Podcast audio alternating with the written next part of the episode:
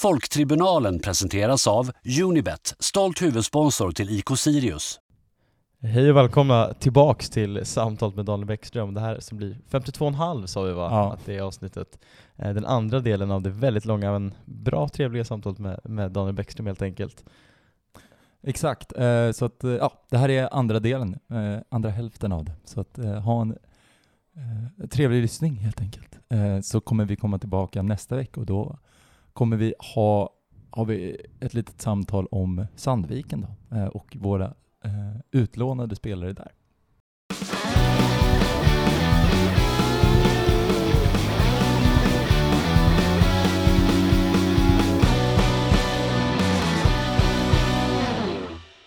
Yes. Men då är vi tillbaka eh, här i tränarrummet med Bäckström. Eh, Vi sitter ju faktiskt i, vid det klassiska numera, eh, kontraktsbordet. Ja just det, vi får ta en bild sen när Ja. vi signar femårskontrakt som Ja, exakt. Nej, men jag tänker vi har varit inne och nosat lite på det här kanske med Sirius ambitionsnivåer och vad som ändå kan tolkas som en anledning till varför du kom till Sirius. Eh, Men jag tänker om vi ändå ska börja i hur, hur processen gick till när du kom till och när liksom Henke lämnade, för det kom ju ganska plötsligt, i alla fall för oss utifrån, jag vet inte hur mycket Ola de redan visste, men hur såg det ut med kontakten mellan dig och Ola? Och när togs den kontakten och hur, och sen då i slutändan frågan, vad, var det som lockade med Sirius? Kontakten med Ola, den har funnits sedan tidigare. Nu är ju inte fotbollssverige gigantiskt stort. Är man någonstans inne i de här rullarna så man springer på varandra Mm, på matcher mm. och vad det nu kan vara. Så att eh, Ola kände jag eh, inte jättebra med lite grann sedan tidigare. Och sen så hade jag en situation som gjorde att eh, jag eh, flaggade upp för att lämna Malmö eh, mot hösten. Jag hade en familjesituation som innebar att det var dags att flytta upp tillbaka mot Stockholm. Mm. Och sen så parallellt med det så eh, blev ju i och med att jag, jag vill ha ett jobb, jag ska jobba någonstans, så jag eh, kikade på de alternativen som, som fanns och man slänger ut lite krokar och det rings lite samtal fram och tillbaka. Och sen så vet jag inte exakt, vet, när man är inne i en sån här process, när det väl blir liksom skarpt läge så känns det som att varje, varje dag är en vecka lång. För man tänker inte på någonting annat. Jag vet inte exakt när det var, men där det blir månadsskiftet november-december. Okej. Vi spelar ju sista allsvenska omgången 5 december. Så där någonstans i månadsskiftet eh, november-december så blev, förstod väl jag nu att nu håller det på att bli någonting som är mer skarpt. Och jag är med i en diskussion. Sen så minns jag inte exakt. Det var väl fortfarande någon match kvar när Rydström aviserade att han skulle Mm. lämna om jag minns Göteborg rätt. borta sista omgången så det var väl mellan, Ja. eller när mötte ni? Det var omgång 27. Ja, exakt. match. För Det oss var i alla ju- fall. Det var ju Sirius var nere och spelade i Malmö. Det var någonstans runt 10 november. Ja, Mm. Var ett landslagsuppehåll efter det och så var det tre matcher kvar. det. Ja. Det finns ju någon klassisk historia att eh, Cedorf, eh, när han var i Milan, eh, att han, det var nog Champions League-finalen mot Real Madrid, satt och förhandlade med Perez inne på någon pissoar i, i katakomberna. På, eh, var- det, var det liknande i, på Malmö stad? Det var tyvärr inte det. Det hade varit Trist. häftigt va? det var tyvärr inte det. Jag har, jag har ingen sån eh, nugget att bjuda på. Men det var väl det sagt i månadsskiftet november-december där jag förstod att nu är jag med i snacket. Och sen så blev det väl ännu skarpare sen när serien var avslutad. Mm. Och eh, jag var väl här i Uppsala då, kan det ha varit 11, 12, 13 december någonting och gjorde klart. Mm. Mm. Så eh, det är väl ungefär det som jag jag ska inte säga att jag minns, men om jag så här på uppstuds ska försöka dra processen. För sagt, varje dag känns Ja. så lång och man går inte runt och tänker på någonting annat. Nej. Och så tittar man tillbaka och så det har gått tre dagar bara. Jag har inte hört någonting och det kanske inte är liksom hela världen. Så att eh, det är väl lite bakgrund till hur det ramlade på plats. Jag, jag tänker, du är ju ändå väldigt ung i den här branschen eh, och du har ett ännu, ännu ungare eh, tränarteam. Ehm, jag tror att man som utomstående blir liksom per automatik får en tro att, att, man, blir att man är eh, som ung idealistisk i sina tankar. Um, mer och mer har jag fått en bild av dig att du är ganska cynisk. Vad, va, vad skulle du själv säga där? Har du liksom hur mycket, hur mycket drivs du av idén snarare än att liksom vinna den enskilda matchen?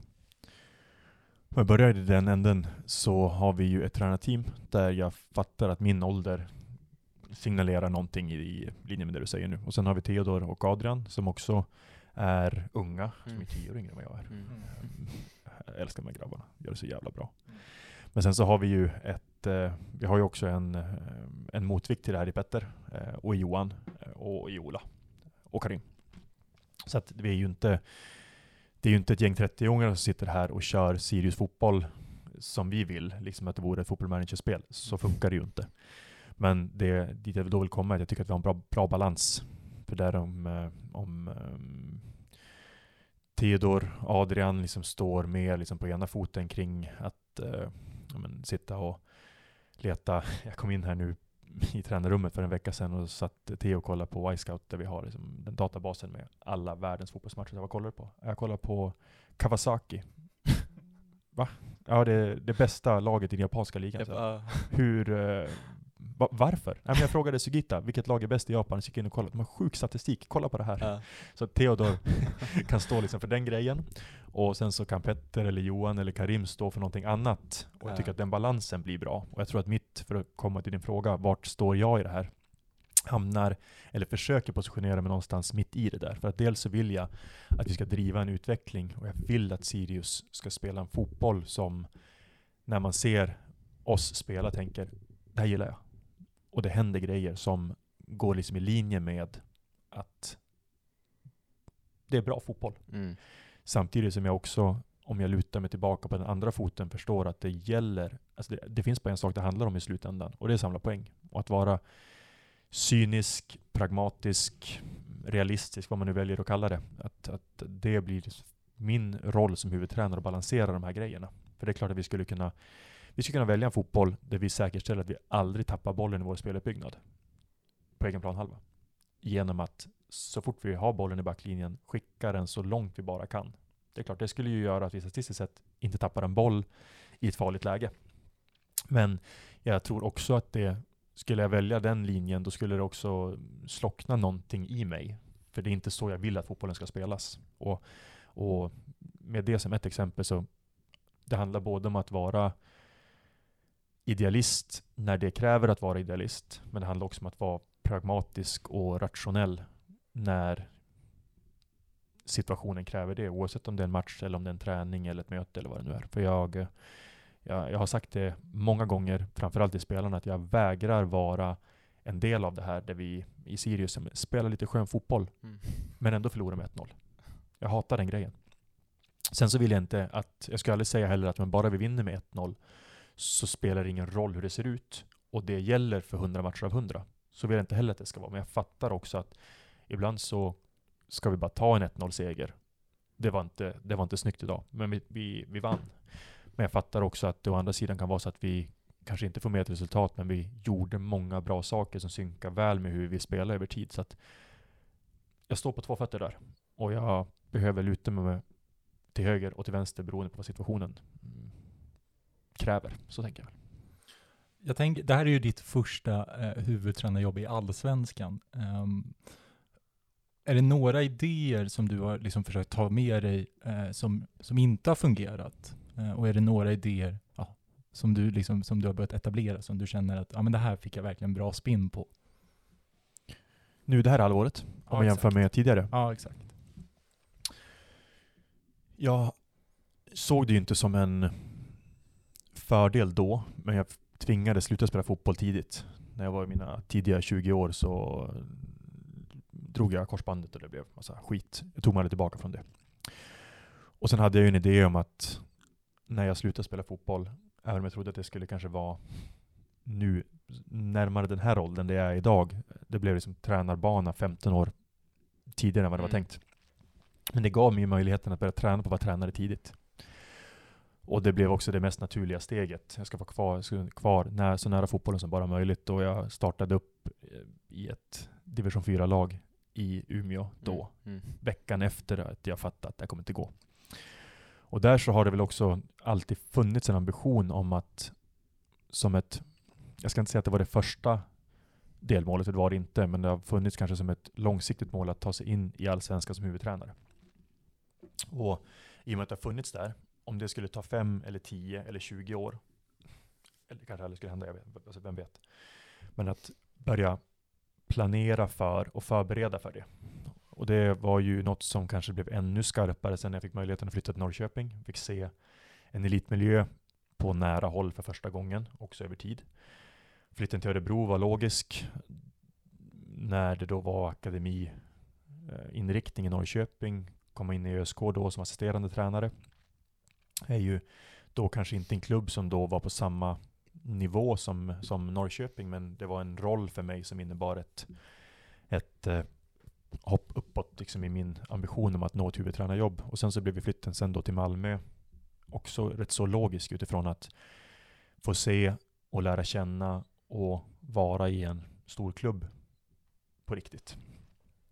Sen har jag försökt kombinera det här också med att samlas och alltså, så ofta det bara går inspiration, influenser, göra studiebesök, både träffa tränare, vara ute i klubbar i Sverige, utomlands för att i slutändan samla på mig så mycket som möjligt och det var väl också något som jag kände framförallt under fjolåret, där jag började lägga pusselbitar ihop. När man fått sett ett par olika miljöer så kan man börja väga för och nackdelar. Men hur, tänk, hur tänker jag kring uppvärmning till exempel? Vad är viktigt för mig? Har jag varit i en miljö och sett ett sätt att värma upp så tänker man kanske det är så jag vill göra. Men sen när man har börjat trampa igenom olika miljöer med olika förutsättningar så ja, men då börjar jag känna det här under hösten, framförallt i fjol, att men nu så kan jag pricka det jag tror på. Och så visste jag om att när frågan kommer, vill du bli huvudtränare? Oavsett om det skulle vara här eller om det skulle vara någon annanstans, då ska det det ska inte finnas någon, någon fråga som jag inte kan svara på. Hur vill du göra det här? Ja, jag, ska, jag vill göra så här. Vad tänker du om det här? Ja, jag tänker så här.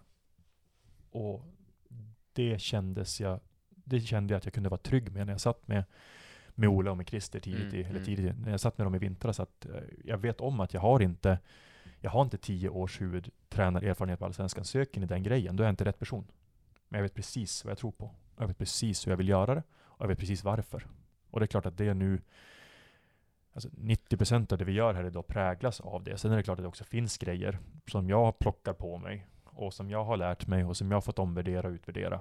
Mm, Och det är inte, det är inte att ta en teoretisk plan och sen bara genomföra den. Det fattar jag också. Men Mm. att i grunden så vet jag väldigt väl vad det är jag tror på, vad jag vill göra. Vilket känns... eh, Det kändes flygfärdigt i Mm.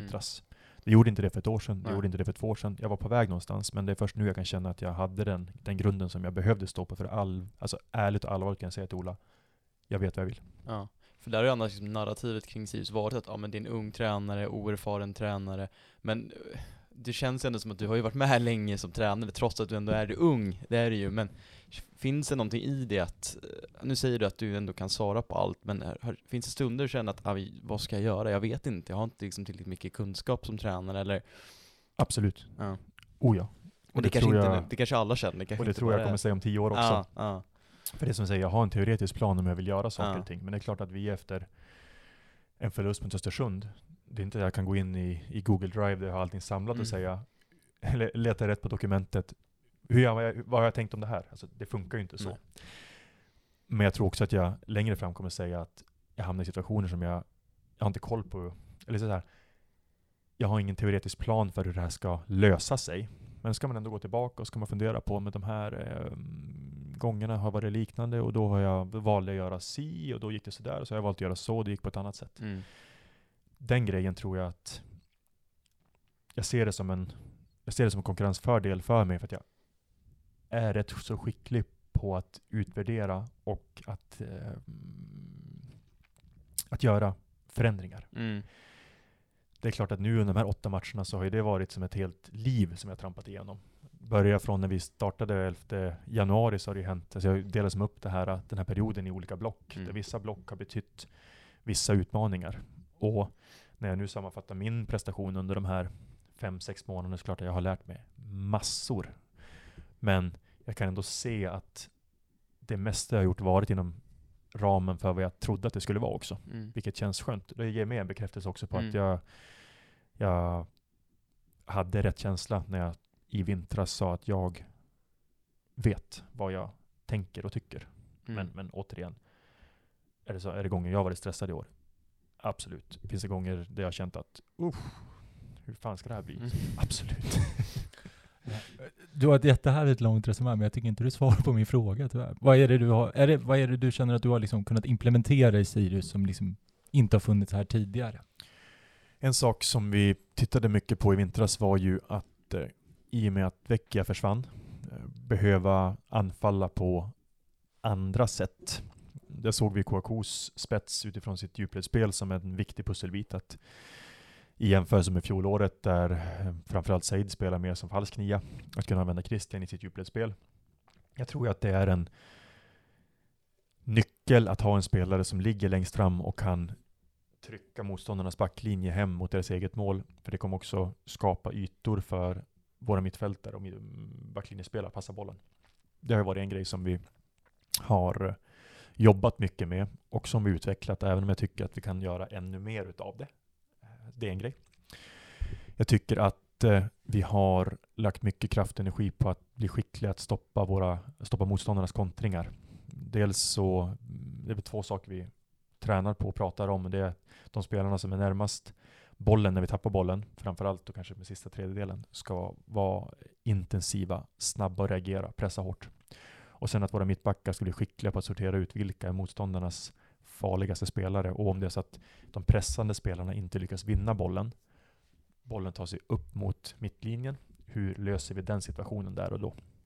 Och här tycker jag att vi är i en intressant resa eh, på de bästa, de bästa stunderna så gör vi det här bra. Men vi eh, är inte hundraprocentiga än så länge. Men det är någonting som vi ser som en jätteviktig del i, i vårt anfallsspel. Att försvara bra då vi tappar bollen. För det, det är en jobbig grej när du som motståndarlag försvarar på egen plan halva. Du vinner bollen, men du lyckas inte riktigt få den under kontroll och så skickar man upp en boll som kanske inte, på grund av att du inte har den under kontroll, är perfekt. Och sen så står det en mittback där, Josef Colley, bara nickar ner den till Hellborg så får vi fortsätta spela. Det är jobbigt. Så det är väl en grej som jag också har lagt mycket kraft på att eh, implementera tillsammans med tränarna tränar mycket på det, pratar mycket om det. Det är väl de två grejerna som jag i anfallsspelet tycker sticker ut. Och sen så har vi ju en idé om att vi skulle bli stabilare i försvarsspelet på egen planhalva. Och om vi ska gå tillbaka till det vi snackade om att kan vi dela upp det, säsongen i två delar så tycker jag att vi under de fyra första matcherna gör bra saker i försvarsspelet runt och i vårt eget straffområde. Och sen så har vi släppt in för mycket mål. Inte bara på det sättet som vi nu kanske pratar om, men att vi, eh, vi är inte nöjda med, med försvarsspelet för att hindra mål. Som det har varit nu de sista fyra matcherna. Absolut inte. Och det är väl de tre grejerna jag skulle säga var det som jag eh, själv såg och tänkte innan jag kom hit. Det är också de sakerna som jag tycker har växt fram. Det var ju så att förstås Ola och övriga tränare hade också gjort mycket av den här analysen redan när jag kom in. Men att det är väl där vi har lagt eh, en hel del kraft. För det var ju nå, det, vi, vi hade ju ett samtal med Tim förra veckan då, um, och då, han pratade väldigt mycket om att redan 2018 när han kom så skulle, skulle Sirius jobba med att eh, inte släppa in så mycket onödiga mål. Eh, och han var väl lite inne på att när vi släpper in mål, delvis så, ja men lite mot Östersund, att han pratar mycket om att stoppa blödningar, att det har vi varit dåliga på tidigare, att så här, man kan släppa in ett mål, men då är det ofta man släpper in två, tre, fyra mål också. Eh, och en annan att, att när man gör ett individuellt misstag, för de flesta mål sker ju när det är någon Mhm. som gör ett misstag, um, att, att Sirius är dåliga på att, eh, att rädda upp det misstaget. Uh, att vi, någon gör ett misstag, sen gör en annan ett till misstag. Liksom, Mm. det, är inte bara, det är inte bara ett misstag, utan två, tre, fyra. Har ni, har ni kollat någonting på det? Nu? Min känsla är att, eh, och det blir väl återigen mer titta på det i, alltså specifikt än att generalisera upp det, så finns det mål som vi definitivt inte ska släppt in i år. Mm, Vi pratar om inkastmålet mot Elfsborg, deras 1-0 mål. Det ska inte ens vara målchansen vi diskuterar i efterhand. Eh, 2-0 målet mot, eh, mot Östersund när de kontrar oss, så det är också en sån situation som det ska bara dö ut. Det ska inte ens finnas med, vi ska inte sitta och prata om den i slutet på maj ens, för det blev ingenting. Och jag tycker att det finns det finns några sådana exempel där vi skulle ha gjort bättre. Och sen så finns det också så exempel där motståndarna också har gjort bra saker. Alltså det, det kan man aldrig komma ifrån. Men vi, vi, vi känner att med ganska så små justeringar så skulle vi kunna städa bort några av de här insläppta målen. För ett insläppt mål kostar så mycket kraft. Och räddar du upp några av de här situationerna så kommer du att... Eh, alltså det, det ger så mycket till laget att slippa släppa in mål. Upplever jag att vi gör ett misstag och sen så ramlar in misstag nummer två, tre, fyra, fem också? Nej, det ska jag inte säga. Utan eh, i, i något fall kanske ja, men framförallt ofta så är det som du säger, det är ett misstag som föranleder ett mål. Mm, jag kan nog pricka ut vart jag tycker att misstaget sker. Där man kan säga att sker ett misstag så blir det ofta stress och sämre organisation, vilket kan göra att man kan uppleva kanske att det kommer misstag efter ett första misstag. Sen om det är ett misstag eller om det är en, ett resultat av någonting annat, kanske svårt att svara på. Jag vet inte. Men inte så att jag, jag delar inte riktigt den uppfattningen att eh, det, någon, någonting händer och sen så är det någon snubblar och sen snubblar fyra, fyra till. Den situationen har vi inte haft än så länge i alla fall. Mm. Eh, en, en annan sak som Henrik Rydström pratar väldigt mycket om, det var ju den här, vad heter det? Nu tappar jag, tappar jag ordet. Um, periodisering. Ja. Mm. Eh, har ni fortsatt? För det var ju liksom, det var ju väldigt mycket 2018 och sedan liksom någonstans, eh, eller 2019 och sen 2020 så såg man lite, ja, men, i alla fall utifrån sett, frukten av det. Att, ja, men att Vecchia faktiskt höll sig, höll sig fri. Att vi var väldigt skadefria förra året helt Mm. enkelt. Eh, Har ni fortsatt jobba med pe- periodisering på samma sätt? Periodisering innebär ju, eller periodisering är ett annat ord för planering. Och det, det, det som det kortfattat går ut på är att om du går till gymmet och springer på löpbandet i en timme så snabbt som du kan så är så kommer kroppen sannolikt behöva tid att återhämta sig. Springer du en timme på löpbandet på måndag så kanske du kan göra det på tisdag också. Men du kommer göra det med lite sämre kvalitet. Du kommer antagligen inte orka springa lika snabbt för att kroppen är sliten. Om du försöker göra samma grej även på onsdag så finns det en ännu större risk att du kommer att vara att du inte kommer att vara fullt återhämtad och därför kommer göra ytterligare lite sämre prestation. Och sen om man gör det här under en tillräckligt lång tid så kommer kroppen när du kliver upp på löpbandet efter x antal dagar säga jag klarar inte mer och så blir man skadad.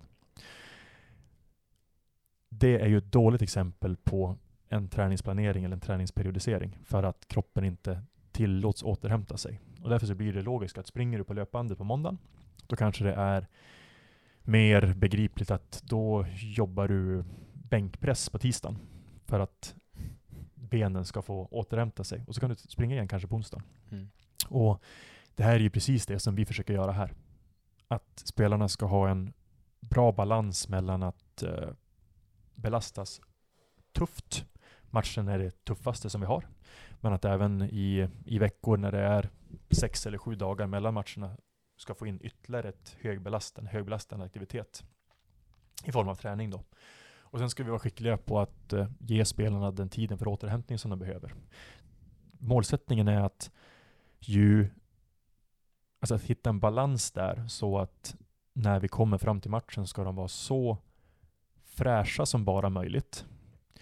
Men också så vältränade som bara möjligt. Det är klart att man kan ju, vara, man kan ju se till att spelarna är superfräsch. Vi spelar på lördag och sen så är nästa match på lördag. Om de inte tränar någonting från lördag till lördag, då kommer de vara väldigt fräscha. Men det kommer gå ut över det kommer gå ut över eh, alltså hur vältränade de är. För tränar de ingenting så blir du inte vältränad. Eller Mm. tränar du inte så blir du inte vältränad. Men det är klart, vi skulle också kunna träna måndag till, eller söndag till fredag. Stenhårt. Vältränade spelare, men de skulle inte vara fräscha. Så hitta en balans däremellan fräschhet och att vara vältränade. Alltså freshness, fitness. Mm. Och det blir ju mitt jobb som huvudansvarig att ansvara för. Och vi pratar om periodisering så, så är väl det liksom en take på det. Träningsplanering fysiskt. Sen så finns det ju också en take som handlar om den taktiska periodiseringen. Vad tränar, vi, när, vad tränar vi på när i veckan? När börjar vi förbereda för matchen? Hur tänker vi kring vårt eget spel? Hur, utve- hur utvecklar vi det? Vad gör vi i den här passningsövningen? Kontra vad gör vi i den här spelövningen? Så att en, både en taktisk och en fysisk periodisering, alltså träningsplanering, är något som Rydström jobbar med här i Sirius i fjol. Det är någonting som vi jobbar med här i år. Men det är också någonting som alla klubbar i hela världen jobbar med på Mm något sätt. Sen finns det olika skolor på det, men, men det är mitt svar på svar. Jobba med periodisering, 100%. Men för, för rätta mig om jag har fel, men var det inte, det är väl någon holländare som just har liksom tagit begreppet periodisering och liksom den, Raymond Verheyen är ju den som eh, exakt. 2012, 13, 14 började puffa ut den, den eh, modellen, den fysiska periodiseringsmodellen som Mm. han eh, förespråkar mycket och Svenska Fotbollförbundet förespråkar mycket och den eh, har många den har många fina delar i sig. Någonting som vi använder här, absolut. Sen är det en teoretisk modell, det går inte att använda en teoretisk modell till 100% Nej. men, Nej. men den ligger mycket till grund för hur vi tänker och resonerar när det gäller den fysiska grejen. Och sen så, så den taktiska periodiseringen som är något som kanske från början kom från Portugal, är något som också präglar träningsupplägget i, i många allsvenska klubbar för att ta ett exempel. eh, eh, idag också. Så att, eh, det finns många olika skolor och sen så återigen kommer tillbaka lite till det jag snackade om för tio minuter sedan, att hitta liksom sin, sin tränaren ska hitta sin tro och sin vinkel på det och det ska matcha med, alltså det är klart det är skillnaden med att träna ett allsvenskt A-lag eller ett juniorlag till exempel, eller ett damlag eller ett herrlag eller vad det nu kan vara. Så att skruva lite grann på det där. När vi är inne på det här med tro, vad är, och du, du, du nämnde ju att du tittar väldigt mycket utåt i Europa på och liksom kollar på andra, andra, andra lag. Vem, är det någon tränare specifikt som du tycker har väldigt intressanta idéer? Eller liksom något lag som du tycker är spännande? Givetvis är det så. Och sen så blir det ju det, det naturligt att prata om Klopp och prata om Guardiola, Bielsa. Det jag tycker har varit fint här nu under det här halvåret, det har jag sagt i några andra sammanhang också, det är att, som jag sa, Theodor, han sitter och kollar på japansk fotboll för att hitta någonting som kanske sticker ut där som vi skulle kunna föra in i vår verksamhet, eller i alla fall få oss någonting att diskutera. Jag älskar den grejen. Det finns ju alltså, oändligt mycket att ta del av idag. Alltså gå in och scrolla min Twitter-feed så det, är ju, det tar ju aldrig slut. Jag tror att det kanske snarare handlar om att man måste bli skicklig på att veta vad blir viktigt att plocka ur i all det här. eh, Alltså den mängden som finns, för det finns så mycket brus också. Men, men jag gillar det som sagt skarpt att eh, jag ser det som att Theo och Adrian, de gör mycket av av det här sorterandet. Adrian sen skickar några galna hörnvarianter liksom, så här, från danska tredje ligan som man har sett någonstans. Ännu värre än korta hörnen då eller? De värsta exemplen har varit, eh, det skulle kikas mer på dem ja. Okej. Och jag, jag älskar den grejen, för där också blir det återigen tillbaka till det här att jag får vara lite sorter, sorteringsansvarig, jag får Ja. filtrera lite. Just att det finns så jäkla mycket idag. Men jag tror ju också, i och med det, att det finns mycket att inspireras av. Ja. Och, och, och, för det finns många duktiga tränare som gör bra saker ute. eh, Alltså utanför studenterna, liksom, som vi skulle kunna må bra av Ja. också. Testa här. Men jag tänker vi angående det här med att kolla på fotbollsmatcher och visa att du ska upp till Umeå på semester, men kan, och just semester, kan du verkligen ta semester eller känner du alltid att när du kommer, nu när EM kommer, kommer du kolla på de matcherna på något sätt för att inom jobbet eller kan du koppla av och bara okej nu ska jag kolla på fotboll eller blir det liksom att du hela har det här mindset, ja men bra löpning, jag antecknar i mitt Google Drive liksom. Jag tycker att det, och det känns lite tråkigt att det är så, Mm. men suget, eller kanske, suget att titta på annan fotboll än allsvenskan finns, finns inte. Nej. Alltså jag, jag såg inte Champions League-finalen, jag har så dålig koll på vad som ska hända i EM. Man kan tycka att det är tråkigt, men det blir väl också en, ett resultat av att vara här och kriga 8, 10, 12 timmar om dagen, 5, 6, 7 dagar i veckan. Det blir inte naturligt att när man kommer hem sen lägga sig i soffan och titta på en fotbollsmatch. Då tycker jag, jag tycker det är svårt att koppla av Mm, mm. med den grejen. Sen så är ju det är väl både en eller någonting som är med det här jobbet är att jag i alla fall har svårt att skilja på jobbar jag nu eller sysslar jag med mitt största intresse, min hobby. Mm, Jag har mm. jättesvårt att sära på den. Och därför kan, blir det kanske också, i och med att jag vet att det är så, och därför blir det enkelt att dras in i det. Att det kanske också blir en, det blir en funktion för mig att bara klippa. Jag sätter mig och kollar på en serie här nu istället. Mm. För att ska jag kika på den här matchen, även om den är hypad och det är intressant så kanske jag inte, på tal om periodisering och planering, inte får den återhämtning som jag behöver. Mm. Men jag menar, jag säger ju det här, och sen så sker ju det här också i, i, min, i min kontext, i mitt liv. Jag tror fortfarande att jag konsumerar fotboll mer än vad genomsnitts-Svensson gör. ja. Eh, Och, och i och med att det kanske också är så, så vill jag ju... Jag är nog noggrann med att den fotbollen som jag får till mig och som jag konsumerar, det ska också vara till nytta av att jag kan komma hit och göra ett bra jobb. Mm. Så att sitter jag och tittar på en allsvensk match, då kommer jag välja att titta på dem som jag vet vi spelar mot, spelar mot i nästa omgång. För att då kan jag samtidigt förbereda och skaffa mig en uppfattning om det här är det motståndarna och det här kanske vi ska göra. Så det är inte som för tio år sedan när man kunde sitta och kolla på Manchester United liksom, och bara liksom drunkna i det. Den grejen, det orkar jag inte och det prioriterar jag inte. Nej. Men jag tror ändå sagt att min fotbollskonsumtion är på gränsen i alla fall vissa dagar till osund. Är du rädd för det här? Eh, Offside släppte ett ganska spännande reportage för några år sedan just om trä- att vara tränare i, i liksom en elitmiljö i Sverige. Är du rädd för det här med, ja, men till exempel bli utbränd och liksom, ja, det här med överarbetandet? Inte rädd, men jag har stor respekt för det. För det finns ingen stämpelklocka.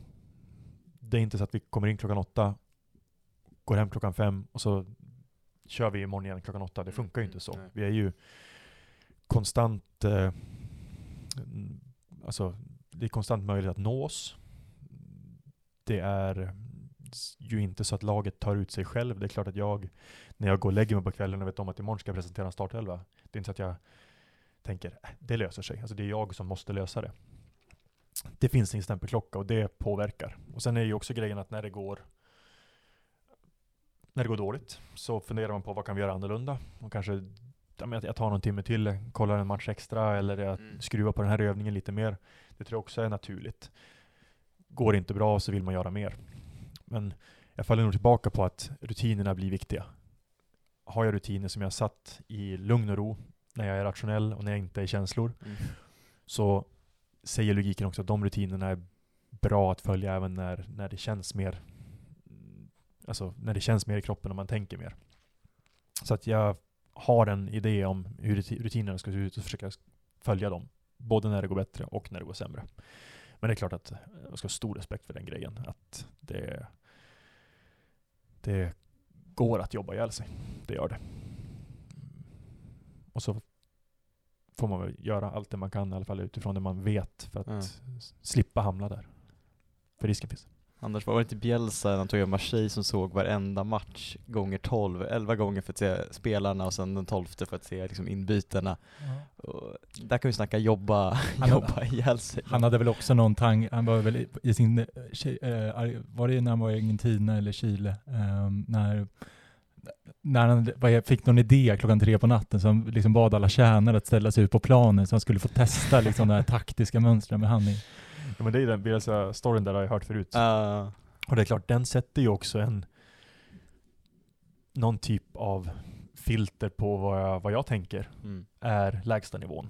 För om Marcelo Bielsa är den tränaren som han är och har den ambitionen när han ska kliva in i ett, i ett nytt tränaruppdrag, men det är klart, om jag vill upp på den nivån, då säger logiken att då ska jag göra liknande grejer. Sen så, återigen så blir det väl att filtrera informationen även där. Jag menar, jag gjorde ju min research på den nivån som jag kände att jag kunde och mäktade med innan jag klev in i det här till exempel. Men jag kan säga att jag såg inte alla Sirius tävlingsmatcher 12 gånger. Nej.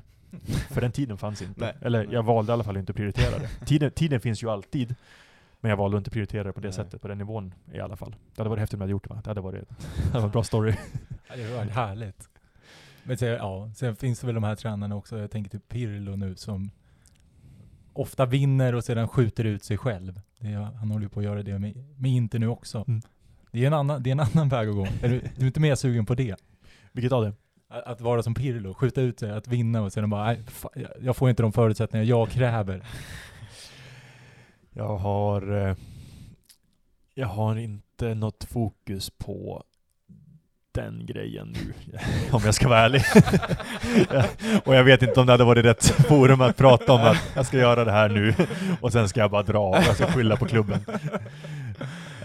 Ja. Det, Det det, det, det, jag hade varit något i alla fall. Det, Ja, precis. jag hade tyckt det varit kul. Ja, det är bra, bra skopa. Ja, exakt.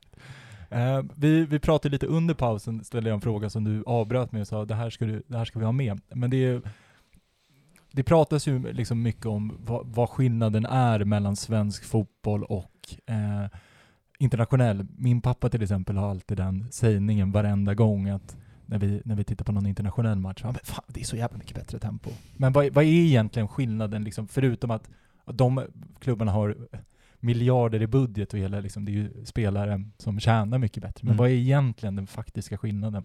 Du hade ju också en liten ingång på Åslund. Just, också. just det, eh, Martin Åslund var i något sammanhang som hade något resonemang om att svenska spelare och internationella spelare springer ungefär lika mycket, men att internationella spelare springer på ett bättre sätt. Eh, man, om man tar en parallell till tennisen, att Roger Federer till exempel har, är så fantastiskt duktig på att löpa rätt på en tennisbana till exempel, att han vinner meter på det sättet. Mm.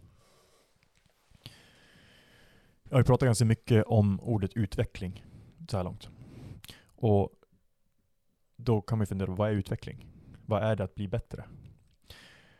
Jag eh, skrattar alltid inombords för det här har blivit någonting som jag ofta pratar om och jag skrattar åt svaret på frågan och det spelar ingen roll vem man går till. Det kan vara så att man går till en 11-åring som har varit uppe och träna med 12-åringarna.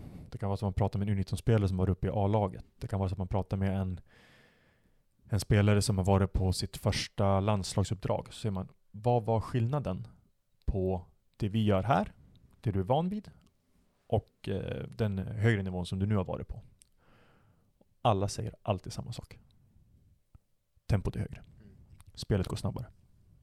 Spelar ingen roll vem man frågar. Du var inne på det nu också. Tempot utomlands är högre.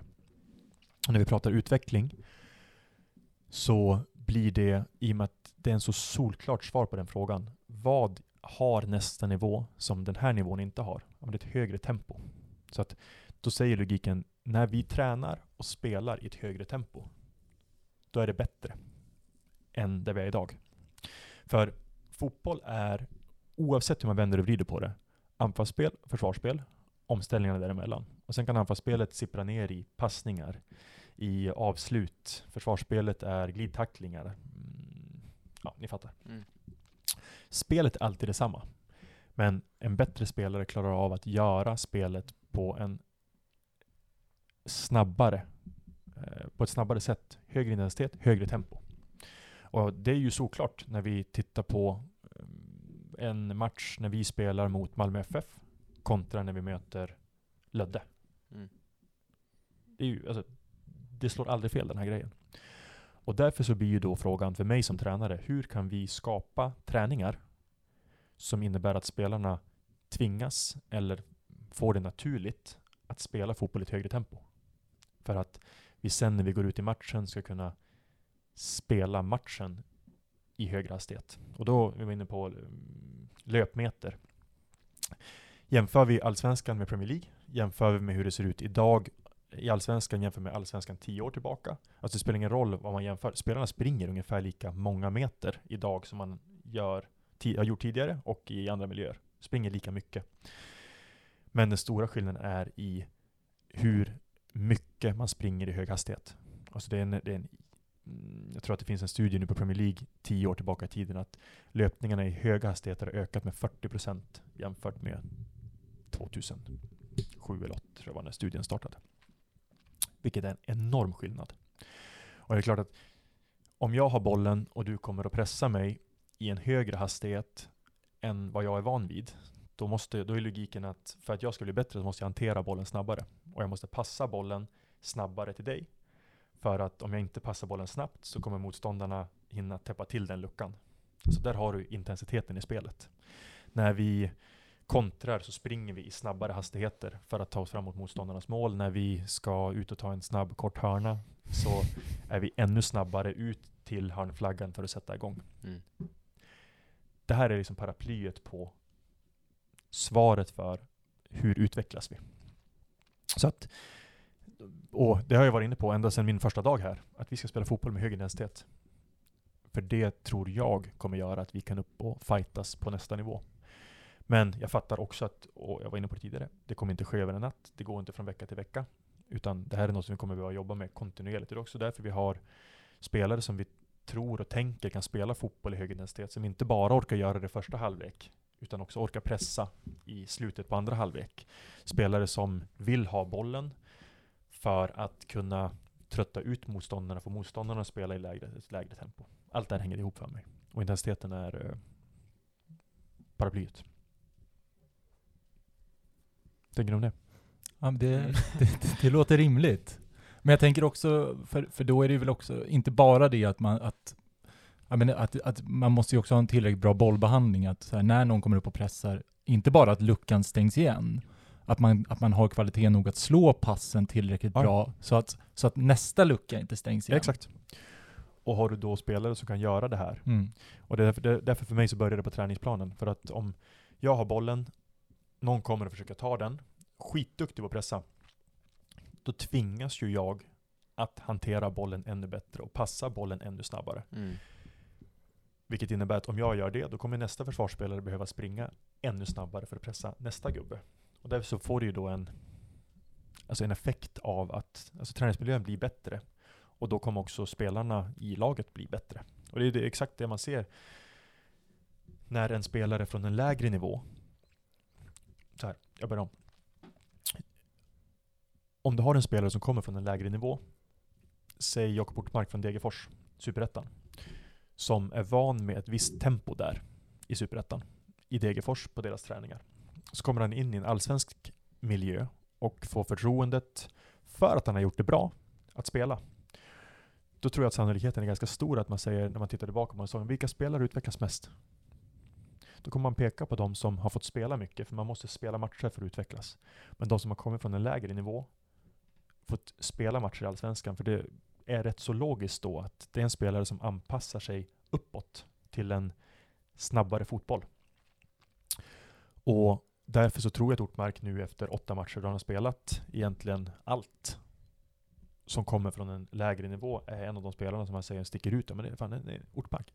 Han har tagit sig bra. Alltså. Mm. Mm. Men det är också för att han har fått kliva upp i en miljö. Jag brukar använda den metaforen som du har en om du har en, eh, två klasser, som en, en skolklass där snittbetyget, nu pratar man inte om MVG längre tror jag, men A till Om- F. ATF, det. om du, har en, om du har en klass där, där snittbetyget är A, och sen har du en klass där snittbetyget är D, så vad händer om du flyttar en, en, en elev från D-klassen till A-klassen? Men sannolikheten är rätt så stor att den D-eleven med, eh, eh, med betyget D i snitt kommer dras upp mot genomsnittet för att miljön är på ett sånt sätt att vi jobbar mot A här. Ja. På samma sätt som att man tar en klass från en, en elev från klassen där man snittar A och sätter honom i D-klassen. Mm. Att man kommer dras ner mot genomsnittet.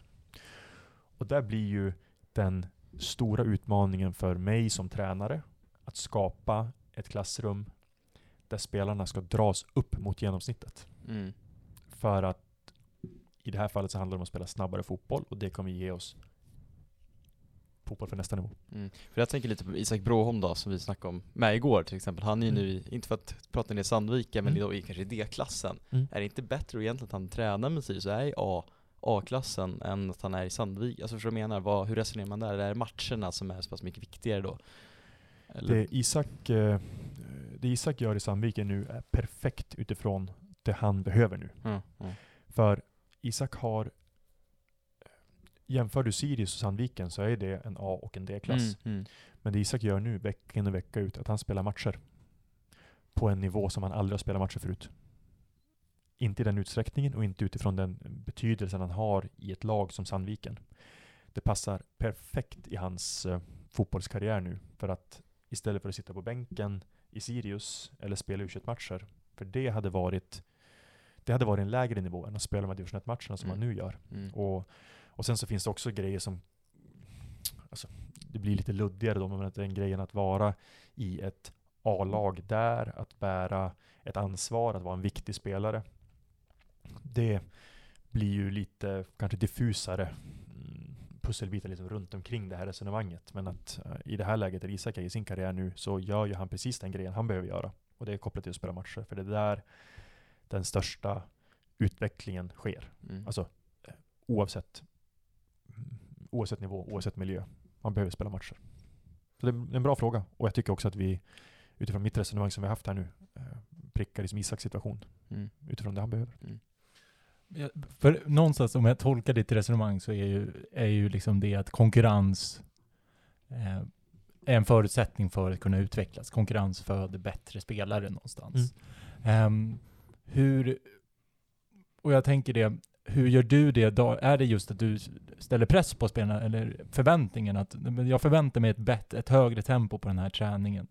Ehm, är det, är det liksom de verktygen du har? Att liksom, eller vad har du för verktyg att liksom kunna höja konkurrensen och liksom Det är två grejer framförallt. Ett är att, och det var du inne på nu, det är att höja förväntningarna på spelarna och att också uttala att jag kräver och tror mer om det vi gör här nu. Det finns mer att ta av. Det är nummer ett. För om vi är någonstans på en nivå nu så vet vi också om att steget upp till nästa nivå är mindre än vad vi tänker att det är. Men vi måste börja förvänta oss att vi kan ta oss upp en nivå. Så det är nummer ett. Nummer två är att skapa träningar där det kommer också naturligt att spela fotboll i ett högre tempo. Och nu har vi haft exempel där jag har bollen och jag blir pressad av en försvarare. Mm. Det kommer ju ställa vissa krav på mig i vad jag kan och ska göra. Men det kan också vara så att om jag har bollen så i, har vi en övning, då skickar vi fram två som ska försöka ta den här bollen. Det är klart, det blir svårare. Mm. Mm. Det är fortfarande inom fotbollens ramar. Perfekt. Med eh, som kontexten, vi kan spela vi kan spela med mål och vi har reglerna. Det, det är så fotbollslikt som det bara går, men istället för att det är en som försöker ta bollen av mig så är det två. Och ett enkelt exempel är istället för att spela 11 mot 11 på träningen spelar vi 10 mot 11. Mm. Fortfarande väldigt likt matchen. Men för det laget som är tio stycken så kommer det alltså krävas lite mer. Så att kombination av höj kraven, höj förväntningarna, men också vara jävligt smart i träningsdesignen. Så att spelarna, jag ska inte säga omedvetet, men alltså sätts i situationer där de måste spela snabbare. Men samtidigt tänker jag i en sån, en sån situation där när man blir pressad av två stycken, det är ju, man, man begränsas ju fortfarande av att det är av att det är en träning. Tappar du bollen i en träning, det är, inte, det är, inga, det är inga som kommer skrika, vad är, kanske några medspelare, men den stora massan kommer i alla fall inte bry sig på samma sätt som du gör i match. Jag, jag själv som spelar lite frisbeegolf, jag, jag kan putta hur bra som helst när jag tränar, men när jag, väl- när jag väl ställer mig där och ska, ska putta så går det alltid åt helvete ändå. Alltså den här mentala biten, hur, hur får man till det ändå? För jag tänker att man kan vara hur bra som helst på träning, men man fuckar ändå upp det på match liksom. En kulturfråga. Vi kommer aldrig kunna ha en träning som upplevs och är precis som matchen. Alltså aldrig. Och det är inte Sirius specifikt problem. Det är ingen som klarar det. För träning och match är inte samma sak. Men om vi kan bygga en kultur där det blir viktigt att göra sitt bästa. Att om jag gör ett misstag som inte är liksom innanför ramen av vad vi accepterar, att då är vi där och, och markerar det. Men också att det finns ett inre driv av att fan, jag ska göra rätt här nu. Jag ska lyckas. Sen Så, oavsett i träning eller match, man lyckas inte alltid, men att vi kan skapa en kultur där det blir så nära matchen som möjligt i alla fall. Att det känns som att det finns en konsekvens, inte i form av att vi förlorar matchen och att Meisel skriver i UNT att liksom, det här var ju dåligt. Liksom, Den konsekvensen kommer vi aldrig kunna få kopplat till våra träningar. Men Mm. att konsekvensen är att fan, jag lyckades inte med det jag försökte här nu och därför så vill jag göra mer nästa gång. Den kulturen är helt övertygad om att gå att bygga. Och då kan vi i alla fall närma oss matchen utan att vara där. Ja.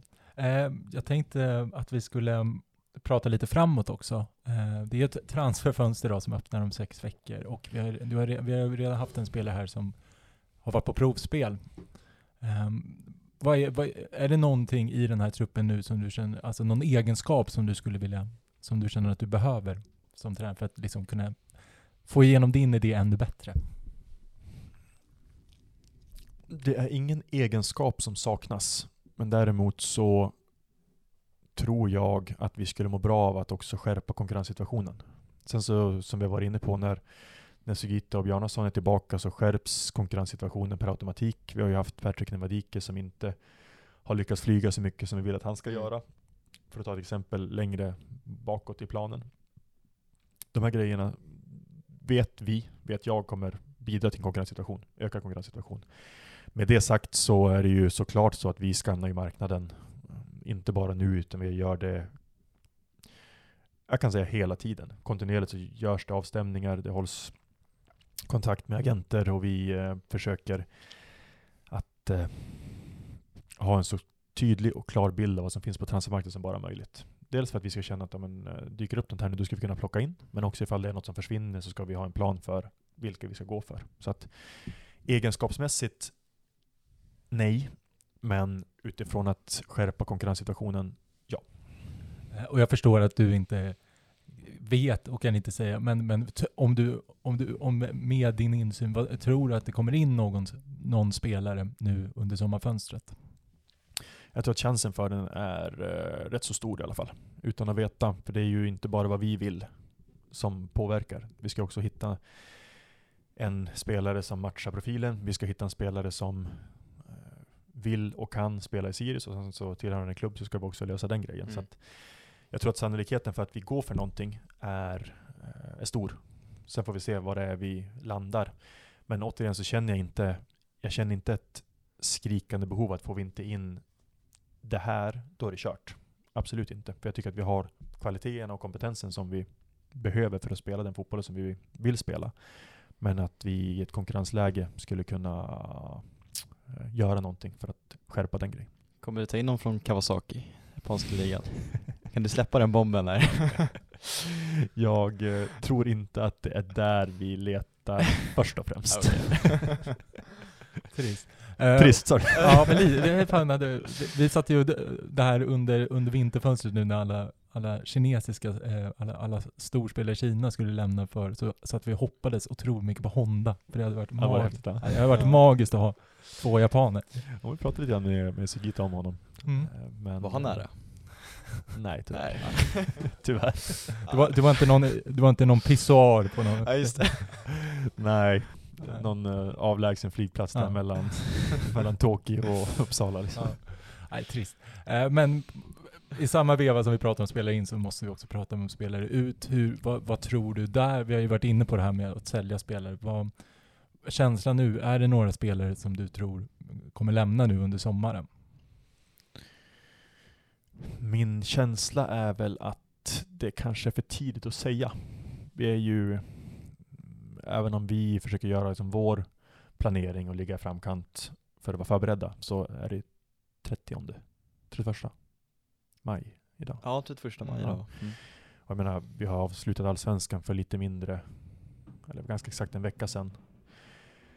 Transferfönstret öppnar den 15 juli och dit är det sex veckor. Vi börjar träna igen om två veckor, den 11. Det finns tid att det ska kunna hända grejer på. Och jag Mm. kan nog också tänka mig känna att det håller liksom på att lägga sig lite grann här nu för oss allsvenska klubbar som har just, eh, just avslutat men också att ligorna utanför Sverige håller på liksom att rundas av nu och sammanfattas. Så jag tror att det, det kommer att dröja lite grann innan vi vet mer. Sen är ju fönstret öppet också fram till den 10-11 augusti. Det är ett ganska långt tidsperspektiv vi har att leka på här nu. Så att, eh, min känsla är väl att eh, jag skulle vilja vänta med att svara på frågan. Eh, kan det hända någonting? Alltså, det är alltid. Det, är, ehm, det kan dyka upp någonting som vi absolut inte har väntat oss och det kan också vara så att det är någonting som har funnits med under en längre tid. Ja, jag vet faktiskt inte. Men om man ställer frågan så här då, det är ingen spelare du räknar med lämna, alltså som du har tänkt bort i, i uppställningen mot, mot Mjällby? Nej, det är det inte. Ehm, jag tänker att vi ska väl ta lite framåt, uh, Mjällby-matchen och lite så här, vad, vad, vad hoppas du liksom att Sirius ska kunna göra nu eh, i, under, under sensommaren? Jag tänker att man tar, vi tar inte alla 22 matcher utan vi Mm. tar liksom ett kortare perspektiv. Vad, vad, är, vad är det du vill, är det någonting nytt du vill jobba in eller är det liksom det, vi- det vi har pratat om, det här med att implementera anfallsspelet och det, att göra det ännu bättre? Jag är ju så... Jag är lagd på det sättet att jag har... Jag, har- jag får ingen glädje i att planera för långt fram. Nu så vet vi om att vi börjar träna den 11. Vi kommer möta AIK i en träningsmatch den 20. Vi har Hammarby både den 27 och 28 innan vi sen ska möta Mjällby den 4. Mjällby känns fortfarande rätt så avlägset. Jag vet om att det är ett par veckor här som vi ska träna. Vi ska förbereda oss inför AIK-matchen, Hammarby-matcherna och sen så är det Mjällby. Och sen så är det Malmö och så är det Djurgården och sen så rullar det liksom på. Jag, har- jag har själv svårt att greppa liksom det långsiktiga perspektivet på det sättet att ja, men den här veckan genom Mjällby, då ska vi göra det här. Jag vet ungefär hur den veckan kommer se ut, men det är inte så att jag har mitt fokus där. Det är väl också så jag vill kommunicera med spelarna. Tänk inte för mycket på matchen i helgen. Tänk inte på vad som händer om två veckor eller hur det ser ut om en månad. Ta liksom nästa dag här nu. Se till att maxa den. Gör den så bra som möjligt. Och det är nog där jag också, jag gillar att resonera så, för det passar mig väldigt bra Mm. också. Så att, och det jag också vet är att ska vi vinna mot Mjällby med 5-0, då kommer det prägla veckan efter. Och vi kommer säkert göra annorlunda jämfört med om vi skulle torska mot Mjällby med 5-0. För då kommer vi behöva hantera andra grejer. Så att på så sätt tycker jag att det är svårt att planera och tänka att ja, men, i juli ska vi göra den grejen och sen i augusti är det läge för det där och sen i september då, då testar vi den här idén. Det funkar inte riktigt så i fotboll. Man är ju aldrig riktigt, det är inte så linjärt kan man väl säga. Så att mer ta hand om de här dagarna nu innan vi ses den 11, starta upp så bra som möjligt. Och sen så blir det lagkommatchen där och fundera på hur vi ska få ihop den på ett bra sätt och se till att göra någonting bra där. Mm. Kanske ett tråkigt svar, men, Nej.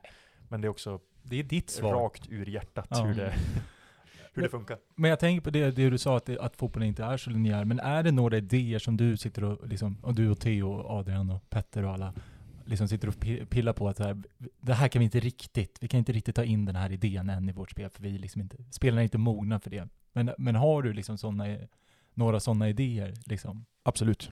Absolut. Och det är ju vissa saker som vi har testat i vissa matcher. Några gånger så har ni märkt av det, några gånger så har ni inte märkt av det, några gånger så har vi planerat för någonting men känt att vi, vi kör inte på det här idag. Det finns ju, ja, som ni kanske nu utifrån det jag har sagt så här långt, liksom, det saknas ju inte idéer. Det handlar mer om att bara välja ut vad blir rätt till den här matchen eller till den här träningen.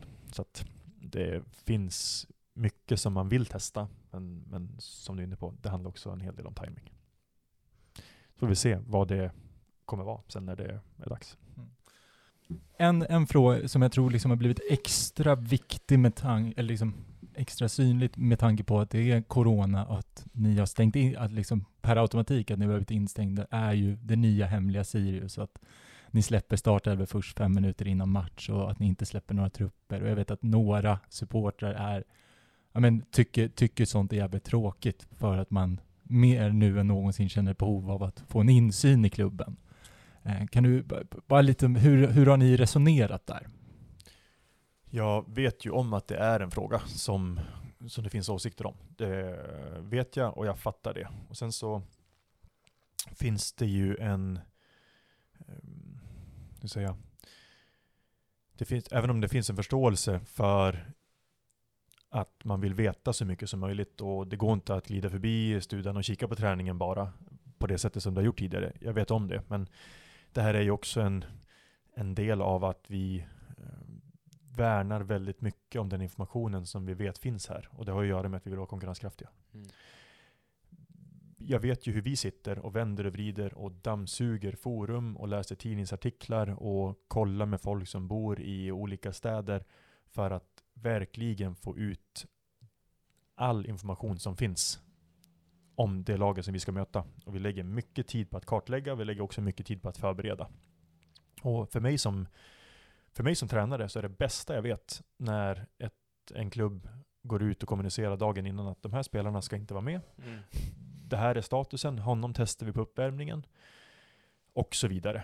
Det är det hjälper oss så mycket när klubbar är så pass transparenta. Och sen så innebär ju inte det att all information som kommer ut är alltså ovärderlig och påverkar liksom från svart till vitt. Så, så enkelt är det ju inte. Men att vi kan göra vår research, att vi kan säga till våra spelare att vi tror att de här motståndarna kommer starta, vi tror att de kommer spela på det här sättet. Mm. Eh, Nu kan vi sätta oss ner och ska vi titta på video här specifikt på den spelaren som vi vet ska spela mot dig här nu. Jag värdesätter det så högt. Och jag fattar också att det ser ut på precis samma sätt i alla andra allsvenska Mm. lag också. Och det här blir någonstans en, en del av en yrkeshemlighet att inte släppa på information i för stor utsträckning. Sen så vet jag, alltså jag, jag har sån respekt för den grejen att man vill veta vad som händer i sin klubb. Och speciellt nu i ett coronaläge som innebär att det ser ut som det gör på alltså, alla håll och kanter. Liksom Jag fattar verkligen det. Och det är därför också vi vill vi vill dela med oss. Det är viktigt med att vara så öppna som vi känner att vi kan vara för att inte tappa för mycket av den här konkurrensfördelen. Ja. Och det är väl det som också har gjort att vi har landat i det vi har landat i. Även om jag fattar att, alltså, säg så här, om jag visste att det inte var någon i ett motståndarlag som tar del av det vi släpper, då skulle vi kunna ha, prata om allt. Jag skulle så gärna vilja dela med mig av mer. Men jag vet också om att det sitter Rickard Norling eller Jon Dahl Tomasson eller Andreas Alm eller deras personal och dammsuger. Och där så kan vi eventuellt bli av med någonting som vi, som vi värdesätter. Det är så jag ser på det. Vi kan också passa på att säga hej Rickard, kul att du lyssnar. Hej! Men hur omoraliskt skulle det vara att du går ut till mig och innan säger ah, men KK är skadad imorgon, eller han är inte tillgänglig fast han är det? Och det är ju, Kan man lägga ut sådana decoys liksom, det, det, det kan man göra. Ja, Men det vet jag om det skulle, det skulle kännas hemskt. ja jo, mot- det håller jag med om. Alltså, om jag, så så här, jag sa just att om jag visste att bara fansen som lyssnade skulle jag kunna ge allt. ja. Om jag visste att ingen lyssnar Ja. från fansidan, Ja. utan det är bara motståndartränare, då hade man ju dunkat ut all möjlig skit som finns. Och det blir ju där att hitta en balans mellan att, alltså, eh, ni som lyssnar, vi vill dela med oss, ni betyder så jävla mycket för oss. Mm. Alltså, vi saknar er här. Men jag vet också om att jag vill, jag, jag vet också om att det finns andra som lyssnar på det som inte ska lyssna. Nej, nej. Om jag får bestämma. Rickard, stäng av nu. Och det är det som blir liksom därför då, och den nya hemliga Sirius, jag gillar inte den grejen, för det Nej. handlar inte om att, för det, det, det, det antyder någonting negativt, att vi inte vill dela med oss för att vi ska vara hemliga, men det finns ett så tydligt syfte med det. Och det handlar bara om att Sirius fotboll ska vinna fler fotbollsmatcher. Mm, mm.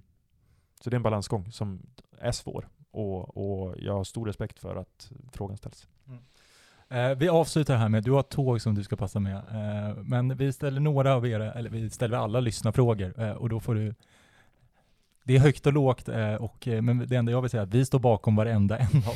Ja, det är bra. Eh, med några månader i ny roll som allsvensk huvudtränare i bagaget, är det något som, du, som, som, du, som man har tänkt sig? Vad har överraskat? Du hade ju svar på alla frågor, så är det någonting som överraskat?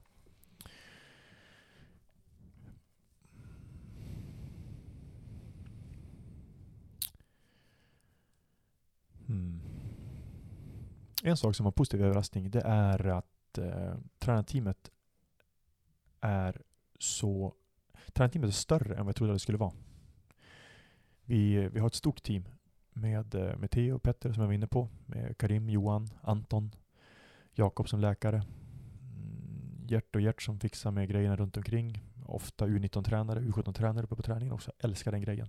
Att vi har stora resurser för att göra bra saker på träningsplanen. För det är där jag tror att vi kan göra störst nytta. Det var en överraskning Mm. som jag inte var förberedd på.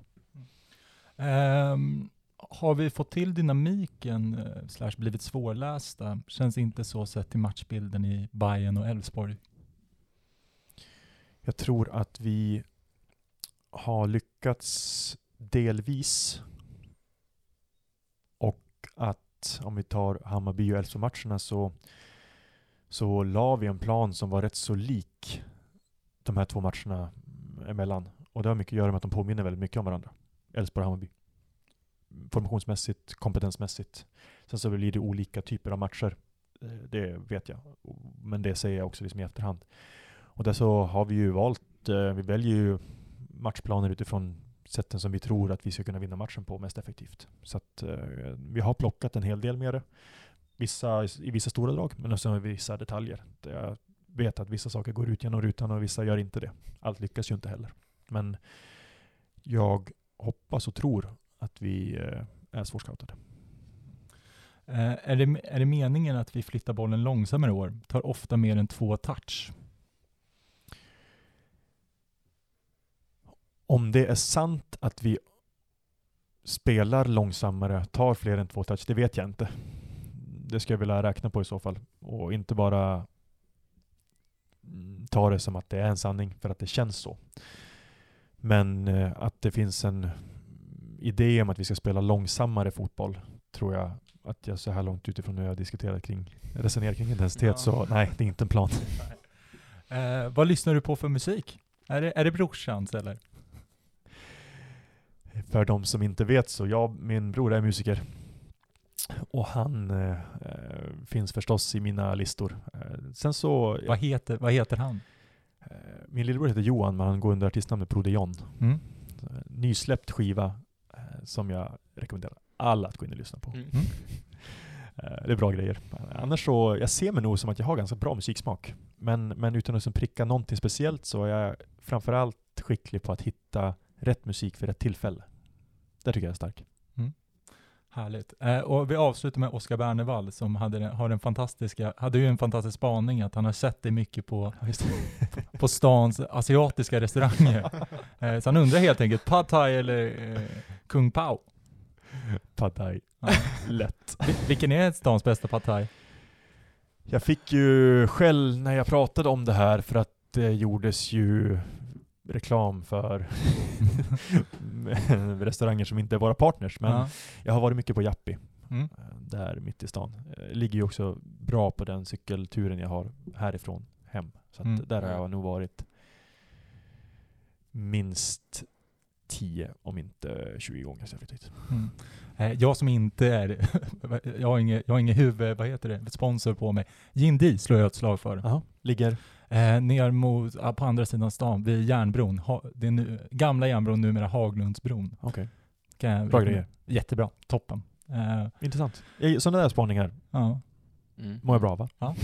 det gör vi också. Eh, och sen bara en sista eh, som jag ställer. Eh, har du någon hobby som liksom inte har att göra med fotboll? Mm, jag läser en hel del. Om att läsa. Sen om det är en hobby vet jag inte, men när det finns möjlighet så läser jag gärna. Vad läser du just nu, som man säger i Babel? Jag har haft något resonemang tillsammans med min brorsa om att böcker som klassas som klassiker Ja. antagligen är skitbra för att en bok lever inte i 50, 100, 150 år om den inte är skitbra. Så jag har dykt lite grann i det där sista halvåret. Eh, avslutade How to kill a mockingbird rätt så nyligen. Och eh, teorin om att klassiker är bra eh, håller Ja. fortfarande. Mm, härligt. Ehm, med det så avslutar vi då den här fruktansvärt långa podden. Tack så jättemycket att du tog dig tiden. Tack själva grabbar. Eh, Kul. Ja, Kul absolut. att Så höra. hoppas jag att vi ses m- mot Mjällby då. Att det blir 3000 på studan. Då jävlar. Ja, då, Då kör kör vi. Eh, ha en trevlig dag allihopa. Vi får se lite hur vi gör det här, om det här är det andra avsnittet eller det första. Vi får se. Adios. Hej då.